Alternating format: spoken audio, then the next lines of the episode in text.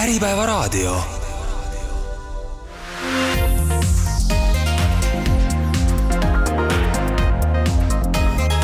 Trinity eetris.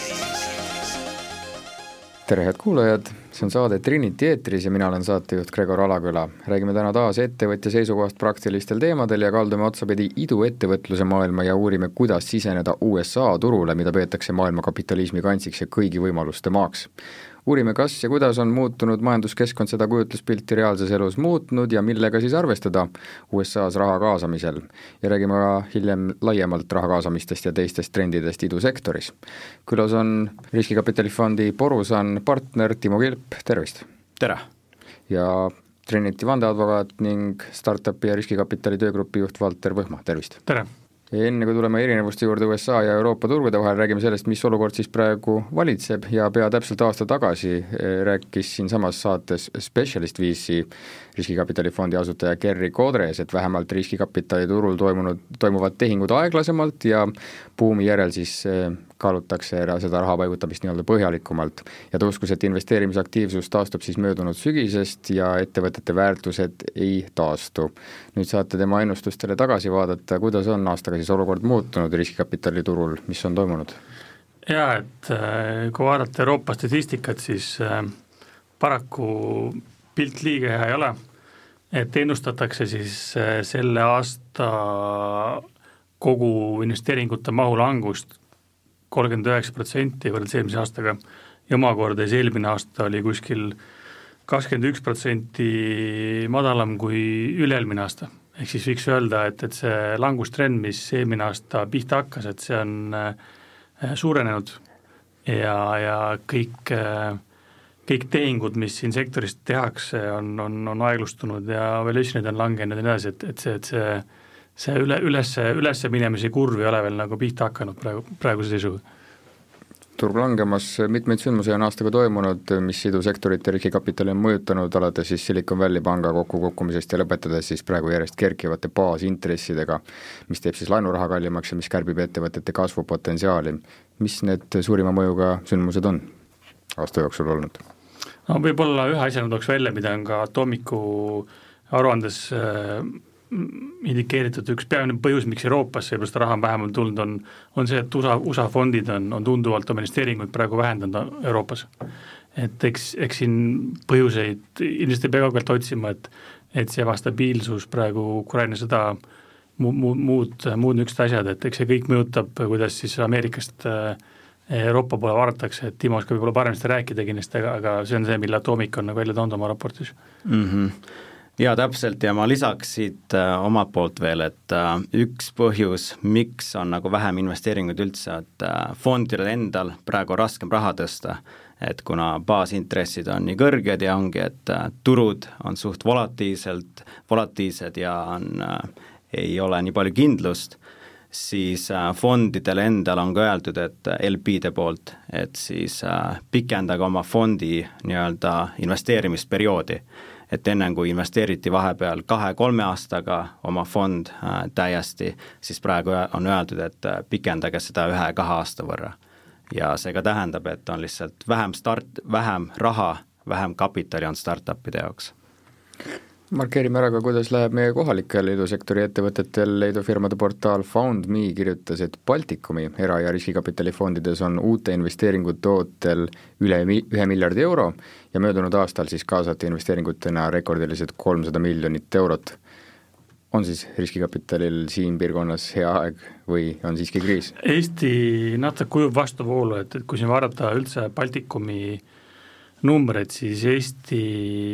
investeeringute maht laias laastus oli kaks tuhat kakskümmend üks aastal umbes miljard ja siis kaks tuhat kakskümmend kaks oli umbes üks koma kolm miljardit, mis on väga-väga, väga hea number, et per capita kui mitte maailmas esimene, siis Euroopas esimene, esimene riik äh, raha kaasamisel ja kui vaadata teisi Balti, Balti riike, siis, siis Eesti noh, selgelt on, on üle kahe korra rohkem kui, kui Leedus ja, ja neli-viis korda rohkem kui Lätis, et et ütleks, et Eestil läheb väga hästi äh, jätkuvalt äh, eelmise aasta lõpu seisuga. see aasta ma, ma arvan, et, et need numbrid on hoopis teisest, äh, teisest kategooriast, et et ilmselt tuleb siin oluline, oluliselt väiksemad, väiksemad numbrid aga see ilmselt kajastub täpselt samamoodi nagu, et on üleüldiselt turus, et turul, et praegu on igal pool on veits vähem investeeringuid aga investeeringute nagu noh, nagu Gerri ütles ka aasta tagasi, et ta arvas, et investeeringute periood läheb pikemaks, nii täpselt ongi juhtunud, et et lihtsalt seda ühte investeeringut, mida fond äh, varem tegi võib-olla ühe-kahe kuuga, praegu tehakse tunduvalt pikema aja jooksul ja see vaatamisperiood on pikem ja nii edasi, et et, et see kõik on äh, omavahel seotud, rahade, nagu Timo ütles, et fondi enda raha tõstmine ja selle fondi raha siis laiali paigutamine, et, et see kõik lihtsalt toimub pikema aja jooksul ja, ja muidugi seda peab ka arvestama, et kaks tuhat kakskümmend üks ja kaks tuhat kakskümmend kaks olid ikka erakorraliselt head aastad Eestis. ja, ja enne seda, enne Covidi aega siis äh, ülemaailmselt olid äh, rekordaastad kõikidele fondidele kõikidele startup idele, et et lihtsalt me tulime väga kõrgelt tasemelt, äh, see võrdlus käib väga kõrge tasemega praegu, et et kui võrrelda võib-olla kümne aasta tagust aega, siis, siis praegu kõik väga hästi, aga, aga jah, et mm -hmm. see lihtsalt see, see langus tekkis väga kiiresti selline on olukord turul, pidime tänases saates keskenduma USA turu vallutamisele ettevõttega ja võib-olla alustuseks räägite, millised on need peamised erinevused USA ja Euroopa ettevõtluskeskkondade vahel, sest ka osariigiti, riigiti on seadused, maksud, muud poliitikad väga erinevad, mis on need põhimõttelised erinevused äriloogikas? Ma arvan, et USA ja Euroopa startup'ide nii-öelda vahe, mis on kõige suurem, et ütleme, et äh, mida USA investorid otsivad, on rohkem äh, olnud siis, et äh, otsivad kasvu aga Euroopa investorid panustavad, et sa pead näitama, et kas sul on olemas äh, nii-öelda narratiiv äh, tulem-, tulemuslikkusele, kas sa suudad raha teha. et äh, USA-s üldjoonelt vaadatakse, et äh, ja millele optimiseeritakse, et äh, niimoodi, et sa saaksid suured äh,, et sul oleks suured võidud, aga Euroopas on võib-olla natukene see konservatiivsem Äh, keskkond ja mõtlemine. jah, et äh, ma olen ka nüüd elanud aasta aega New Yorgis ja suhelnud seal erinevate erinevate äh, sektori inimestega, ma, ma olen ka aru saanud, et, et Ameerikas äh, pigem on, on esikohal selline kiire kasvu saavutamine, exit tegemine, et sellise pika äri loomine äh, noh, näiteks nagu on Amazon ja Microsoft ja niisugused, äh, mis kunagi olid ka startup'id,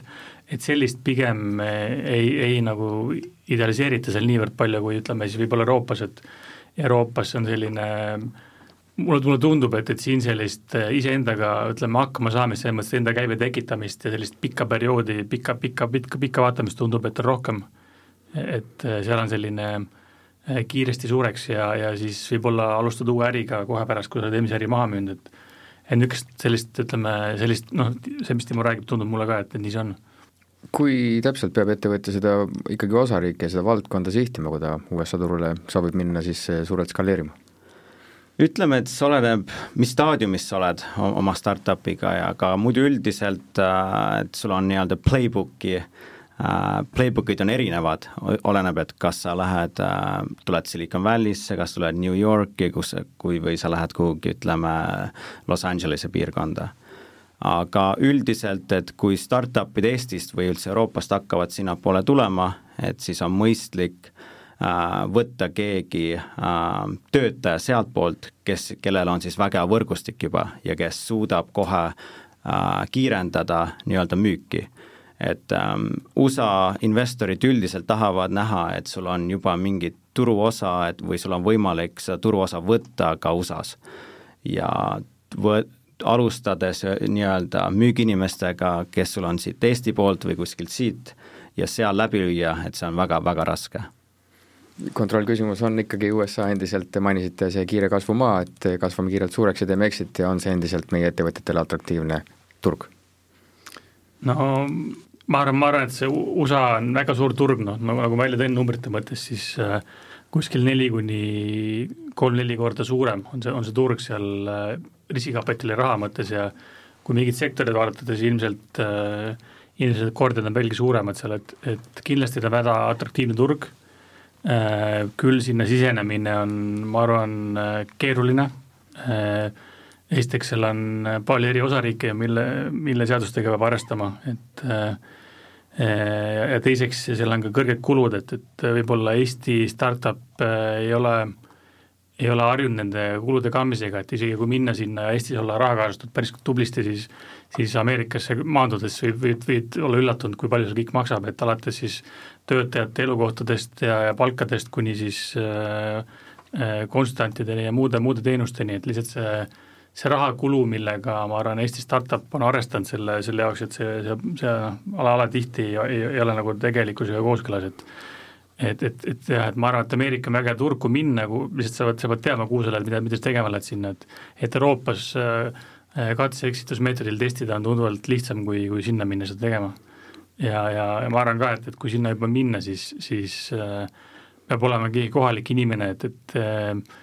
olla USA, USA, USA investorite usaldusväärne ja näidata, et sa tead midagi seal, seal sellest kohalikust elust, olust, et et eestlasena sinna minna ja seal ennast üles töötada, ma arvan, et see on väga-väga raske, et kaks praktilist nõu ja soovitust on saates juba kõlanud, kui USA turule minna, siis võivad olla eh, ootamatud kulutused tekkida, millega siin piirkonnas ei olda harjutud ja teiseks siis võtta kohalik töötaja, kes tunneb kohalikku eluolu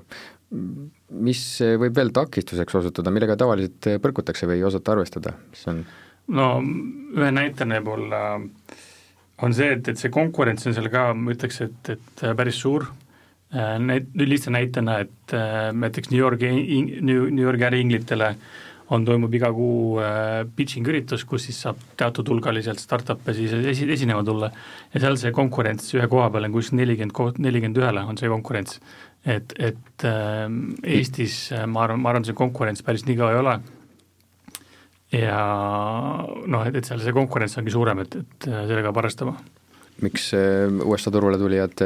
nii-öelda ebaõnnestuvad peamiselt? Ma arvan, ongi, et võib-olla tullakse liiga naiivselt sinna, et see täpselt nagu mainiti, et konkurents on väga palju suurem ja sa pead oskama ka rääkida nii-öelda nende keelt, et äh, teadma, mida näiteks investorid tahavad kuulda, et sa pead oskama rääkida seda narratiivi edasi kandma, sest et seal, äh, nagu mainisin ennem, et optimeeritakse natukene teistmoodi. Et sa, nad tahavad näha, et sul on võimalik kasvada võimalikult kiiresti siin ma muidugi lisaks äh,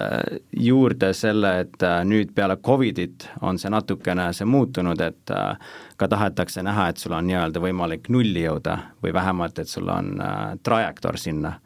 aga samamoodi samal ajal ei op-, tahetakse ikkagi näha, et ja tähtis on, et sul on kasvupotentsiaal. kui suur osa USA turule minejatest õnnestub? No selle kohta on tõenäoliselt keeruline midagi väga kindlat öelda, et sellist statistikat äh, avalikkuses äh, napib, ähm, noh ja mida lugeda õnnestumiseks? jah, et, et äh, no edukalt on sinna läinud palju, palju Eesti startup'e, et näiteks Veriff, kes toimetab seal Paktum nii edasi, et neid edulugusid on päris palju tegelikkuses. ja on ka palju Eesti startup'e, mis tegutsevad niimoodi, et nad äh, müüvad oma teenust otse Eestist, neil ei ole Ameerikas ühtegi keha, et see on ka võimalik, eriti tarkvara, tarkvara startup'ide puhul, et et see, see on ka võimalik, et, et neid edulugusid ikkagi on, aga jah, et mis see number nüüd on võrreldes Euroopaga, siis, siis ilmselgelt äh, need õnnestujaid Euroopas on rohkem kui Ameerikas, et, et äh, et see esiteks see, see konkurents seal, see on teine, nagu mitu korda juba öeldud ka, et et lihtsalt seal ongi keerulisem läbi lüüa, ma arvan, et, et ma arvan, et Euroopas läheb läbi lüüa ja Euroopas on äh, see, no ongi see, see sama keele rääkimine, et Euroopas on neid äh, see kultuuriruum on natuke teistsugune, et, et, et siin ma arvan, Euroopa, Eesti startup'il on lihtsam läbi lüüa kindlasti Euroopas kui, kui Ameerikas. kas soovitus võikski olla, et kõigepealt kasvada Euroopas suureks ja alles seejärel vaadata Ameerika poole? no see kindlasti oli üks soovitus, aga, aga ma arvan, et, et siin sõltub väga palju, millise startup'iga on tegemist, et kui ikkagi on suunatud väga selgelt mingitele sektoritele, mis on väga suured Ameerikas ja ja kogu see vaev ja töö on pandud selle turu jaoks sinna tootesse sisse, siis siis ei, ei maksa kar-, karta seda Ameerikat, et siis peabki sinna minema seda, seda asja tegema ja kui on ka võib-olla lihtsalt investorid saada just selle konkreetse ala peale, siis sektori peale, siis on, siis on ma arvan, väga hea, et ja, ja, ja noh, ma arvan, et see sõltub pigem, pigem millega on tegemist, et et öelda kõikidele startup idele, et et ärge minge või kõikidele, et minge, et, et see, ma arvan, ei ole, ei ole, ei ole nagu õige jah, oleneb kindlasti, mis valdkonnas, aga pigem on küsimus, et ei ole küsimus, et kas minna, aga millal minna, et vaadata ka, et kui kui on juba nii-öelda hilisemas staadiumis startup'id, et siis raha ilmselt tuleb ikkagi USA-st, et kui võrrelda neid ka data't, et siis Euroopas kindlasti on investeeringuid, investeerimismahud palju väiksemad äh, hilisemas staadiumis. Ja ka exit'i võimalus on USA-s kindlasti suurem et jah, et USA on paratamatult äh, usaldusväärne kõikidele maailma investoritele. et kui Eest-, kui teha Eesti startup'i exit, USA startup'i exit, siis juba sellepärast, et USA-s on, on see kordade ennast mitu korda suurem, et et, et see on ikkagi maailma juhtiturg äh, selles sektoris ja, ja kui sa seal läbi lööd, siis, siis see kasu on palju suurem. et jah ähm,. USA exit on lihtsam, aga konkurents on suurem, kui lihtne on praegu USA-s äh, alustaval startup'il ikkagi raha kaasata või näiteks Timo teie fondile silma jääda võib-olla võite alustada sellest, et eh, millega praegu siis Borusan tegeleb? jah, et meil on täiesti uus äh, riski, riskikapitalifond, et äh, meil investeering äh, tuleb siis Borusanist, Borusan on suur Türgi konglomeraat, et meil on ärid nii-öelda kaheteistkümnes erinevas riigis, meil on terase tootmine, me toome sisse äh, Äh, Audisid, Jaguare, BMW-sid äh, eksklusiivselt Türgisse, meil on ka roheenergia ja mõned, mõned veel. aga meie siis alustasime praegu kahekümne miljonise fondiga ja investeerime väga varases staadiumis äh,, pre-seed, seed kuni Series A staadiumis äh, startupidesse, mis asuvad Euroopas kui ka USA-s ja meil on fookus just siis startup'id, millele me saame ise lisandväärtust pakkuda. aga muidugi üldiselt rääkides, siis kindlasti üks äh, kuumimaid teemasid on praegu tehisintellekt, et äh, vaadates ka YC, Y Combinator viimase nii-öelda äh, grupi statistikat, siis seal oli kindlasti kaheksa, vist oli kaheksakümmend protsenti, kellel oli mingi tehisintellekti suund ja see on kindlasti üks kuumimaid teemasid. on ka teie jaoks kuum, on see, teeb ettevõtte atraktiivsemaks? see on kindlasti ka meie jaoks kuum, aga kuna meil on rohkem niisugune traditsiooniline äh, ettevõte, siis äh, me võtame natukene nii-öelda vaatleja positsiooni praegu, et äh, kindlasti tehisintellekt jõuab ka meie valdkonda, aga seal on natukene, tuleb, tuleb väikese viitega mis veel hetkel valikukriteeriumid on, millesse investeerida, et mainisite, et erineva valdkonna, erinevate valdkondade varajases staadiumis ettevõtted, Euroopa ja USA startup'id, olete läinud ka valivamaks nende iduinvesteeringute puhul, mis on valikukriteeriumid, millesse investeerite? kindlasti jah, et meile noh, kõige tähtsam on see, et äh, kas seal võib olla mingi koostöövõimalus meie grupiga või meile, meie grupilt oleks võimalik õppida äh, nendelt startup idelt äh,. ja siis, kuna me, meil on ikkagi äh, väga varases staadiumis investeeringud, siis meie kriteeriumid investeeringuks on samad nagu põhimõtteliselt teiste riskikapitalifondidel, et me vaatame, et äh, mis on see tiim, mis on nende unikaalsus, miks äh,, miks on just nemad, kes või, võiksid võita äh,, mis on see turg, kus nad on, kas sellel turul on, äh, mis on selle turu trendid äh, ja nii edasi mis valdkonnad on praegu trendikad, mis valdkondade ettevõtted? jah, et meil endal, et noh, peale tehisintellekti me vaatame ka siis kindlasti rohelist energiat äh, ja logistika äh, ja samuti ka kõik äh, mobility'ga seotud, et kõik need on meile, meie Borusanile kasumlikud ja me ise vaatame ka, et kuidas sealt edasi tuua mingit innovatsiooni äh, meie, meie nii-öelda emalaevale. trendide osas, Valter, lisada? Jah, et no ei, see ai on siin kõlanud läbi ka mitu korda juba ja eks see niimoodi on, et, et äh, tundub, et praegu see on äh, kõige kuumem teema, kuhu kõik panustavad, nii startup'id kui ka fondid, et, et eks need moevoolud käivad siin niimoodi paari aasta kaupa, et, et üks vaheldub teisega ja et, et see praegu kindlasti on see ai tehisintellekt ja, ja igasugused energiasektori startup'id ka saavad, saavad kõvasti tähelepanu, et, et siin näiteks Sunly just kas eelmine aasta või selle aasta alguses kakssada miljonit kaasas investeeringuid, et et tundub, et see energiasektor on jah, on ka selline, mis, mis praegu on, on kuum. Aga investori vaates see ai ja tehisintellekt, kas on selline mööduv nähtus või julgete ikkagi julgelt sinna raha investeerida? ma ütleks, et äh, tuleb ettevaatlik olla, et iga niimoodi haipiga äh, seal juhtub ka, et seal on äh, kindlasti meeskondi või ideid, mis, mis, millel ei lähe hästi, et sul tuleb äh,, sa pead teadma, mida sa teed, et sa ei tohiks lihtsalt minna kaasa nii-öelda nende trendidega ja tegema oma äh, due diligence'i, analüüsi. aga kindlasti see on valdkond, millel on väga suur potentsiaal ja jääb. Veidi enam kui aasta eest, Timo, olite samuti Äripäeva raadios ja rääkisite ühe teise riskikapitalifondi tööst, olite Yamaha Motor Venturesi partner ja tollal siis haldasite saja miljoni dollari suurust fondi ja loomisel oli ka uus, kui palju see toonane töö nüüd tänasest tööst erineb uh,? Väga palju sarnane uh,, võib-olla erinevus on see, et meie praegune tiim on väga väike ja me alustame alles praegu nüüd, et see on nagu startup'i loomine, et et paneme püsti kõik äh, alates raamatupidamisest kuni fondi loomiseni, kuni investeerimissuundade äh, paikapanemiseni ja nii edasi. aga muidu ütleks, et äh, põhimõtteliselt väga sarnane ja et võib-olla, vist siin kõrvalepõikena ütleks, et ongi, et, et kui riskikapitali fondi mõttes, siis see CVC fond, mis on siis nagu corporate fondid, et need on, kui vaadata statistikat, siis nende, nende nagu olulisus investeeringute tegemisel on suurenenud, et tundub, et sellised suured korporatsioonid äh, on järjest rohkem tegemas omale riskikapitali nii-öelda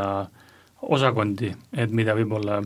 kümme-kaksteist aastat tagasi oli palju vähem, siis praegu need tekivad juurde ja ütleme, see klassikalise fondi osakaal, kus sul on siis need investorid nii-öelda erinevates kohtades sees, et neid, nende osakaal vaikselt on praegu langemas, mis on päris huvitav minu jaoks. et, et tundub, et see corporate nii-öelda VC, see on väga huvitav, et see niimoodi tõuseb praegu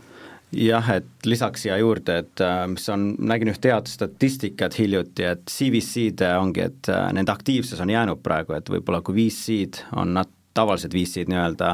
on tõmmanud veidikene koomale aeglasemaks, siis CVC-d on ikkagi jätkanud. Ja mis on ka hea näha, et äh, kuna ütleme, et kui eelmine tsükkel oli, et ja kui juhtus niimoodi, et et äh, majanduses enam nii hästi läinud, siis paljud CVC-d pandi ka kinni, aga seekord on CVC-d ka edasi arenenud ja CVC-d jätkavad oma tegevust. kuidas te täna USA majandusolukorda üldse tunnetate, kui palju need intressid võivad veel tõusta ja kui sügavale langusesse Föderaalreserv selle majanduse lõpuks ajab? Ma arvan, et intressi tõstmine äh, jätkub äh, minimaalselt, et seda ka oodatakse praegu turult Äh, et võib-olla paar, mõni kuu läheb veel edasi, kui tõstetakse kas null koma kakskümmend viis kuni null koma viis, ilmselt null koma kakskümmend viis punkti. ja peale seda oodatakse, et jääb suht samaks ja langus intressimääradel arvatakse, et kas hakkab juhtuma selle aasta lõpus või järgmise aasta alguses. Nii palju, kui meediast võib lugeda, siis Euroopa, Euroopas ilmselt umbes läheb samamoodi et siin üks intressitõus tuleb veel, nii palju kui meediat lugeda, aga, aga jah, et, et kui pikaks see jääb, et seda ilmselt keegi ei oska, täpselt ei oska öelda, et aga il, ilmselt see USA käib alati Euroopast ees natuke niimoodi, et, et see kui hakkab USA-s langema, siis hakkab ka Eestis langema ja Euroopas langema. et üldiselt USA-s on juba nii-öelda positiivne noot, kui vaadata ka tu-, turgude praegust reaktsiooni selles pooles hakkame jagama taas soovitusi ettevõtetele, mida silmas pidada USA turule sisenemisel. Ja toon siinkohal mängu taas selle ühe varasema intervjuu, mille Timo aasta eest Äripäeva raadiole andsite ja seal rääkisite ka Eesti startup'ide tugevustest ja sellise arengukohtadest. Ja mainisite, et Eesti üheks tugevuseks on see, see väiksus ja et et Eesti et startup idel on nii-öelda õige mõtteviis, et mõeldakse kohe suurelt ja globaalselt, et kuidas skaleerida, aga et mitme teise riigi ettevõtte, startup'ide puhul ei pruugi see nii olla. kust see tuleb, et eestlased niimoodi mõelda oskavad? no ma arvan, et Eesti turg on väike, et äh, kindlasti tuleb alustada juba varases staadiumis mõtlemisest, et kuidas sa suudaksid minna järgmistele, järgmistel turgudel, järgmistesse riikidesse skaleeruda. et kui võrrelda Eesti startup äh, või Eesti turgusid näiteks Poola, äh, Saksamaa või Prantsusmaaga, siis äh, vahe on ikka kolossaalne. ja, ja kindlasti Eesti, Eesti äh, idumaastik nii-öelda on olnud väga edukas ja success breeds success tähendab, et kui on olnud edukaid ettevõtteid, siis see know-how ja kõik tuleb ka tagasi ja see teeb kindlasti kergemaks Eesti startup idel USA näiteks turgudele minemist või kuhugi lääne turgudele laienemist äh, juba varasemas faasis. mõtteviis on õige, aga mis on Eesti ettevõtete nõrkuseks, kus on arenguruumi? ma arvan, et äh, vähemalt kui vaadates näiteks USA turgudele tulemisega, et siis on müük on olnud üks nõrkuse kohti et äh, ka vist Veriff läks niimoodi, et nad võtsid kedagi äh, USA-s äh, palgale äh,, kui nad hakkasid seal laienema, et äh, et see on, see on üks kohtadest, mida ma olen, mida ma olen tähele pannud. aasta eest mainisite, et äh, Ukraina sõda ei ole USA investoreid Eesti idufirmadest eemale hirmutanud, milline on täna riskikapitali ja iduettevõtjate suhtumine Ukraina sõtta, avaldab see mingit mõju endiselt? no ma arvan, et avaldab, selles mõttes, et äh, Ameerikast, siis Euroopa poole vaadates, siis äh, noh, ma, ma arvan, et täpselt äh, ei teata, kus näiteks Eesti asub ja nii edasi, et, et, et vaadatakse, et see kõik on siin, kõik on siin sõjatsoon, et, et äh, et kindlasti see avaldab mõju ja, ja ka andmed näitavad seda, et, et see USA, USA-st investorite investeeringute mahud on vähenenud praegu oluliselt Euroopasse. Jah, et, et millal see, millal see kõik paremaks läheb või, või mis see aasta lõpp toob, et, et raske on nagu ette näha seda, äh, küll aga nähakse ette, et nagu ma juba vara, noh varasemalt ütlesin ka, et, et see investeeringute mahud on jätkuvalt languses, et, et, et siin, et siin ilmselt see, see aasta midagi, midagi liiga positiivset ei, ei too. Äh, aga selge on ka see, et, et see raha ei ole kuskile maailmast ära kadunud, et et see raha lihtsalt äh, tuleb tõenäoliselt mingisuguse viibega, et, et, et see, see raha on nagu olemas inimestele, aga fondidele, kes tuleb mingi viibega. aga kas Eesti ettevõtete maine USA investorite silmis on kuidagi muutunud ka? ma arvan, et Ukraina sõjaga seoses võib-olla nii palju mitte, et äh, et ilmselt on ikkagi need, mis on praegu makroteemad, et äh, et äh, ollakse rohkem niimoodi äraootaval seisukohal, et äh, istutakse nii-öelda raha, raha peal ja oodatakse, aga Eesti maine on ikkagi väga hea, et nüüd ma olen see suvi ka veetnud päris palju aega Euroopas ja Eestit kutsutaksegi nagu äh, Londoni äärelinnaks, et siin äh, väga paljud Londoni investorid tulevad siia ja võrreldes näiteks Läti-Leeduga, et äh, Eesti on vä väga tuntud ja siin ma kindlasti ja öelda ka, et jaa, et, et isegi jah, nii palju, kui ma olen suhelnud New Yorgis ringi käes ka Eesti, Eesti digiedulugu teatakse ja, ja selles mõttes nagu maine on nagu väga hea. seal kõrvalteemal Eestis on ka mõned suured ükssarvikud, kes eh, ka kapitali kaasamisega ka börsi poole vaatavad ja Eestist väljapoole, näiteks Bolt, kas neil oleks lootust teha IPO ka näiteks New Yorgi börsil, kas oleks see odavam või kallim neile? no Bolt USA börsil ei, USA, USA, USA-s ei tegutse, seega Bolt, Boltil USA börsil teha IPO-t eh, mulle ei, ei tunduks liiga mõistlik, et et äh, pigem võiks olla selline turg, kus nad ise ka tegutsevad. et, et noh, et kui, kui neil niisugune plaan on, mida lehest võib lugeda, siis, siis, siis ma arvan, et nad vast plaanivad Londonit pigem, et, et USA-sse tulla, ma arvan, mõttekas siis, kui sul on USA-s ikkagi mingi äritegevus. Timo, kas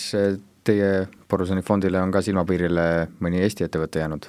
Äh, praegusel hetkel me oleme ikkagi nii algstaadiumis, et me alles paneme nii-öelda kõiki fondi protsesse paika, et äh, aga kindlasti me tulevikus äh, hoiame nüüd äh, rohkem ka silma peal Eesti startup idele, et siin valdkondades, kus meie te-, tegutseme äh,, on ka Eestis väga palju startup'e. nagu mainitud, siis rohetehnoloogia, mobility ja logistika? täpselt võiks siin eh, taaskord soovituste ringi siis teha, võtta kokku. jah, ma tuleks võib-olla tagasi selle saate alguse juurde, et, et mida siis soovitada Eesti startup'ile, kes Ameerikasse lähevad, et üks asi, mida ma kindlasti soovitaks, oleks see, et suhelda kohalike siis Eesti riigi poolt Ameerikas saadetud riigi esindajatega, et Välisministeeriumil, EAS-il on seal äh, erinevad inimesed, kes seal töötavad, kelle ülesandeks ongi seda Eesti-Ameerika vahelist suhtlust äh, arendada ja oma kontaktivõrgustikke jagada, et, et seal äh, need inimesed on väga, väga, väga head ja, ja nende poole kindlasti soovitan pöörduda, kui on plaan Ameerikasse siseneda, siseneda, siseneda. et saab päris palju head infot nende käest. ja, ja teiseks äh, teha hea eeltöö ära, et, et kui, kui äh, sul on ette teada, mis sind enam-vähem ees ootab, siis on lihtsam sinna, sinna minna, et, et, et see kõlab väga, väga, väga lihtsana, aga, aga, aga noh, siin on need kuluaspektid ja muud aspektid, mida hästi arvestada, et teha see eeltöö ennem ära, et et ei tabaks sind üllatused äh, poole, poole nagu tee pealt, et ja mingi asi maksab kümme korda rohkem kui Eestis, et, et, et noh, see on väga noh, ongi väga reaalne, et, et äh, sellega peab arvestama ja teid arvestama sellega, et kui noh, kui varasemalt võib-olla siin Euroopa fondid ütlesid, et noh, et, et äh, et kindlasti peab tegema kunagi flipi Ameerikasse, siis, siis praegu noh, kuna Euroopa, Euroopa fondides on ka päris palju raha, siis, siis selle flipi tegemine jah, nagu Timogi ütles, peab olema õigel ajal, et, et, et seda kui väga vara minna, näiteks kui sa saad investeeringut paar miljonit, siis noh, see võib päris kiiresti ära kuluda seal, et, et, et mis Euroopas juba jätkub sul viis-kümme korda kauem, et siis seal see võib kuluda päris kiiresti ära, et, et, et seega peab väga hästi ajastama neid, neid asju, et, et et jah, need on, need on võib-olla soovitused minu poolt. eeltöö ja suhtle inimeste ja ametiisikutega, Timo, teie poolt soovitusi ma arvan, ma lisaks siia, et kodutöö tegemine oleks kõige tähtsam, et praegu on info kättesaadavus on kindlasti väga palju kergem, et kasutada ära äh, Eesti EAS-i inimesi või spetsialiste, kes on, töötavad e-, USA turul või on siinpool olnud, rääkida Eesti edukate startupidega, kes seal on, seal juba olnud, rääkida ka investoritega, äh, kellesse näiteks USA investorid on investeerinud Eesti omade poolt ja kasutada ära kõike seda infot, mis on, et äh, teha õigeid otsuseid ja õigeid käike, kui äh, juba sinnapoole minna. Need on siis äh, soovitused õnnestumiseks, aga kas on ka midagi sellist jagada, mida mitte, mida, mida kindlasti mitte teha, mis on toonud ettevõtetele kahju? no ma, ma arvan, et äh, ega avalikult äh, keegi ei taha rääkida oma õnnestumistest, et eks võib ma arvan, et kui neid asju järgida, kui, kui neid asju mitte järgida, mida me soovitasime Timoga, et siis, siis äh, tõenäosus ongi suurem lihtsalt, et midagi ei õnnestu, et, et ja noh, alati ei saa ka kõike ette näha, et isegi kui sa teed kõik need asjad väga hästi ära, siis siis elu, elu on äh, ettenägematu, et näiteks Covid või mis iganes muud asjad, et, et, et äh, võid olla ülihästi kõik planeeritud, aga kui tuleb Covid ja su äri on seotud näiteks turismisektoriga, siis, siis on ilmselgelt on, on fail, et, et, et et jah, et, et, et siin tuua välja konkreetseid ebaõnnestumisi, et hea meelega ei teeks seda, et et üritaks ikkagi ähm, positiivset välja tuua ja, ja seda ikkagi öelda, et Ameerika on ikkagi väga suur hea turg, kuhu tulla, äh, küll aga kui tulla sinna, siis peab olema hästi ettevalmistatud selleks. jah, et äh, mitte, mitte liiga sinisilmselt sinna minna, et äh, sa võid siin arvata, et sul on väga hea toode, aga kui sa lähed näiteks New Yorki ja arvad, et sul kohe kliendid hakkavad tulema, siis sa võid avastada, et on neli-viis samasuguse toote pakkujat ja siis kiiresti võid aru saada, et see konkurents on väga suur. jah, et seda ma olen igas, see on igas sektoris, et alates riskikapitalides, kõikides muudes sektorites see konkurents ja see võib-olla elu kult-, see kultuur seal ongi teistsugune, et seal ongi rohkem selline rohkem see, see selline juuretasandil konkureerimine on sisse kodeeritud sulle väiksest peale, et, et et Euroopas noh, selle, selles mõttes on nagu lihtsam, vähemalt Eestis, et, et siin, siin sellist, sellist konkureerimist, nagu seal on, kindlasti ei ole teatud tõeteri võib kindlasti ka leida Eesti filmist nimega Ükssarvik, mille süžee järgi siis Eesti startup saab samuti minna USA turule ja teie poolt ka juba välja toodud soovitus, et kaasata siis USA poolt eh, müügiinimene, kes tunneb kohalikke olusid, et samuti see seal filmis kajastust leidis. on sealt filmist veel mingid nii-öelda naljaga pooleks näpunäiteid välja tuua, mis teil meelde jäänud? meenutan natuke seda filmi, et, et ähm, seal vist oli niimoodi, et, et äh, et see startup, kes sinna Ameerikasse läks, siis kaasas advokaadi, kes ei olnud vist äh, startup'i õiguses väga sina peal, et seal tekkis probleem vist äh, pärast Exiti puhul nende rahade jagamisega, et, et seal see dokumendi pakk, mis on siin Eesti Startup Estonia poolt tehtud, on suhteliselt lihtne, see on kõigile kättesaadav. Ja ma ütleks, et Eesti tehingutes kuskil siin kaheksakümmend üks protsenti kasutusel äh, ja, ja see on turu, turule selge, siis Ameerikas see dokumendi pakk, mida suuremaks tehing läheb, seda keerukamaks läheb, et, et, et selles mõttes kindlasti kui seal teha tehingut, sellist korralikumat tehingut, siis soovitus on kasutada väga pädevad äh, advokaadid, kohalikud advokaadid, kes tunnevad asja väga hästi, et, et seal selline ütleme, vea, vead maksavad palju rohkem kui, kui ütleme Eestis. Äh, nii, niisiis nagu õiguslikus mõttes kui igas muus mõttes, et, et seega olla, olla väga hästi nagu kursis nende asjadega, mis, mis sa teed seal, et äh, founder'il ka tasub tasub siis süübida siis äh, mitte võib-olla kogu meeskonnal, aga siis sellel, sellel meeskonnaliikmel, kes, kes selle valdkonnas vastutab, et süveneda siis nendesse dokumentidesse ja mida täpselt kokku lepitakse, et et seal selline ütleme, see, see konkureerimine, võistlusmoment on nagu natuke suurem kui siin Eestis vaatame saate lõpetuseks ka teisi trende idusektoris, mainitud juba, et ai, tehisintellekt on ettevõtete seas trendiks ja üks neist trendidest on kindlasti ka tööjõu ümberpaigutamine, möödunud aasta kevadest on idu- ja tehnoloogiafirmad nii USA-s kui Euroopas lahti lasknud kümneid tuhandeid töötajaid, aga nüüd võib tunduda, et siis need massilised lahtilaskmised on jäänud vähemaks. kuidas on hetkel olukord startup'ide tööjõuga, on olukord stabiliseerunud? Ma arvan, et jah, et äh, neid lahtilaskmisi oli väga palju, et eriti kui just vaadata, et äh, hilisema staadiumi startup'ide poolt, et äh, värvati väga, väga palju, kui olid head ajad nii-öelda kaks tuhat kakskümmend üks ja niimoodi, aga praegu ma ütleks, et olukord on stabiliseerunud ja ka, ja kui sa oled alustav startup, siis äh, on kindlasti kergem talenti leida praegu. jaa, ma olen nõus, et, et kindlasti tööturul on startup-idel olukord parem ja tööotsijatel võib olla olukord keerulisem, et, et lihtsalt neid äh, vabu kohti on, on vähem võrreldes varasema ajaga, et et ma käisin mõnel üritusel eelmine nädal New Yorgis ka, kus oli siis kohalikud tehnoloogilised üritused, et seal oli ka vees ilma, et oli, oli palju tööotsijaid, et, et selliseid äh,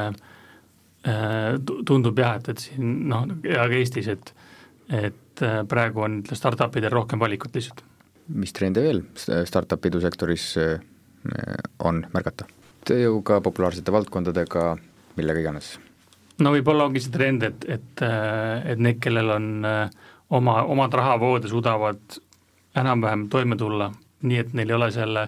kapitali kaasamine häda-hädavajalik, et, et neil, neil tõenäoliselt on see edu, edu nagu lootus suurem ka investeeringut saada ja, ja näha on, et need, kellel on, on ikkagi probleeme raha kaasamisega, et need, need koondamised ja need, ma arvan, paraku mingi aeg jätkuvad siin, et, et, et see ei ole lõppenud veel jah, et kui sa suudad praegused ajad äh, üle elada, et siis sul on kindlasti äh, järgmiste, järgmisteks aastateks ja tulevikuks äh, väga hea baas olemas. et praegu oodataksegi, et et äh, vaadatakse, et kui on nii palju lahtilaskmisi olnud ja on niisugune madalseis nii-öelda, et siis see tegelikult see ähm, on üldjoontes on turule hea, et, äh, et ikkagi mõeldakse natuke rohkem läbi, äh,